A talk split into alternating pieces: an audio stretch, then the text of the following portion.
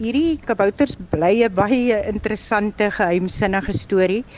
Maar ehm um, ek wil net vir jou vertel hoe my ma hierdie vreeslike groot entrepreneur in Jansenwil geland het.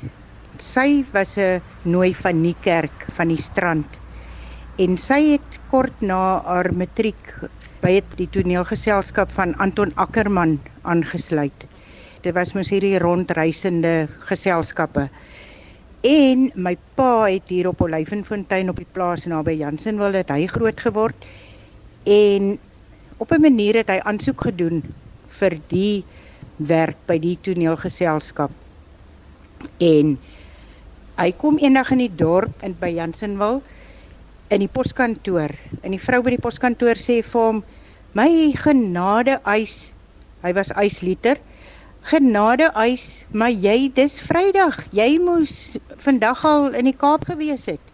Toe is dit nou 'n telegram wat gekom het. My ouma het eers by die poskantoor gekom. Sy het die telegram onderskep en opgeskeer of weggesteek, maar sy wou nie vir hom sê hy het die werk gekry nie. En hy gaan toe op toneel, soos hulle dit nou altyd genoem het. So land hy toe nou by Louis de Vriend Hulle moes blykbaar alles doen. Jy moes verhoog bou, jy moes die verhoog vee, jy moes die stel bou en so aan.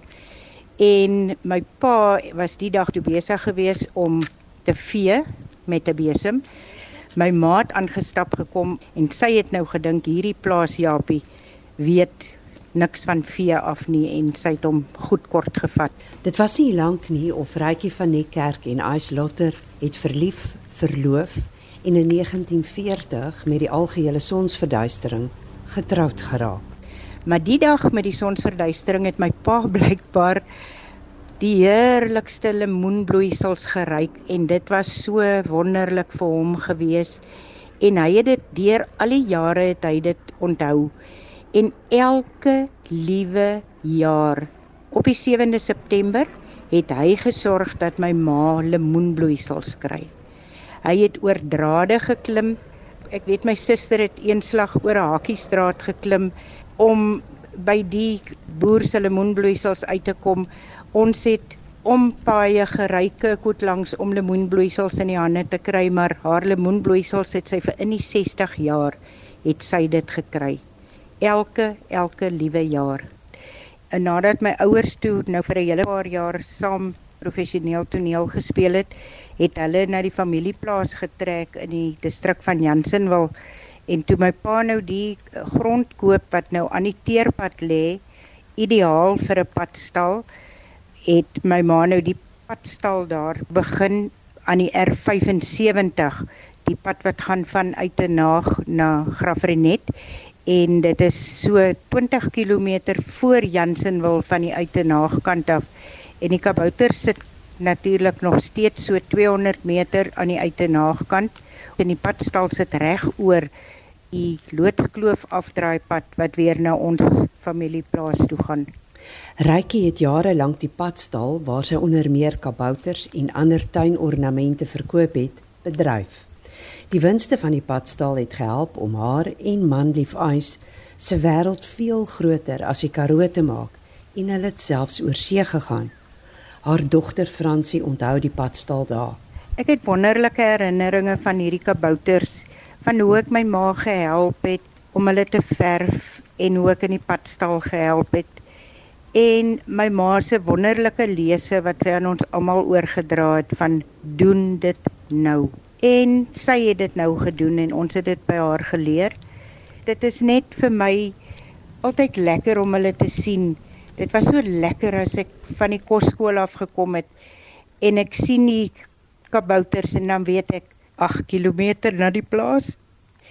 En wat 'n wonderlike wonderlike wonderlike herinneringe ons van die plaas het. Op die oomblik sit daar nou twee kabouters op die konkas en het baie mense verlief geraak op die kabouters. Die betowering van die Konka kabouters langs roete 75 so 20 km buite Jansenwil is dat die Konka feitelik nooit kabouterloos is nie. Wanneer die kabouter of kabouters gesteel of gebreek was, het daar altyd weer 'n kabouter of selfs 'n paar kabouters verskyn. Daar gesit deur mense wat gereeld die R75 tussen Graafrenet en die Baaiery en vir wie dit belangrik is dat 'n kabouter op die konka sit. Intussen het Fransie, net soos haar ma Rykie, 'n padstal oopgemaak. Wel nie by die kabouterkonka nie, maar op Jansenwil self.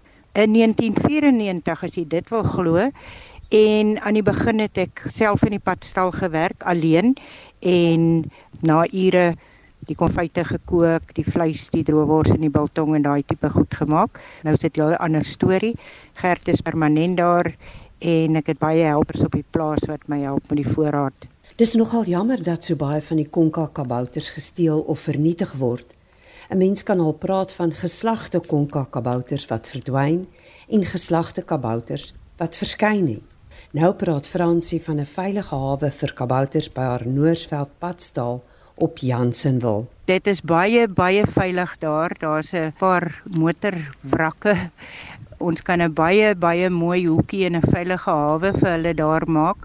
Hulle is baie welkom. As ek dink as die eerste een daar gaan sit dan sal daar heelwat meer kom want ons kry nog steeds oproepe van mense wat iets vra of iets sê van die kabouters.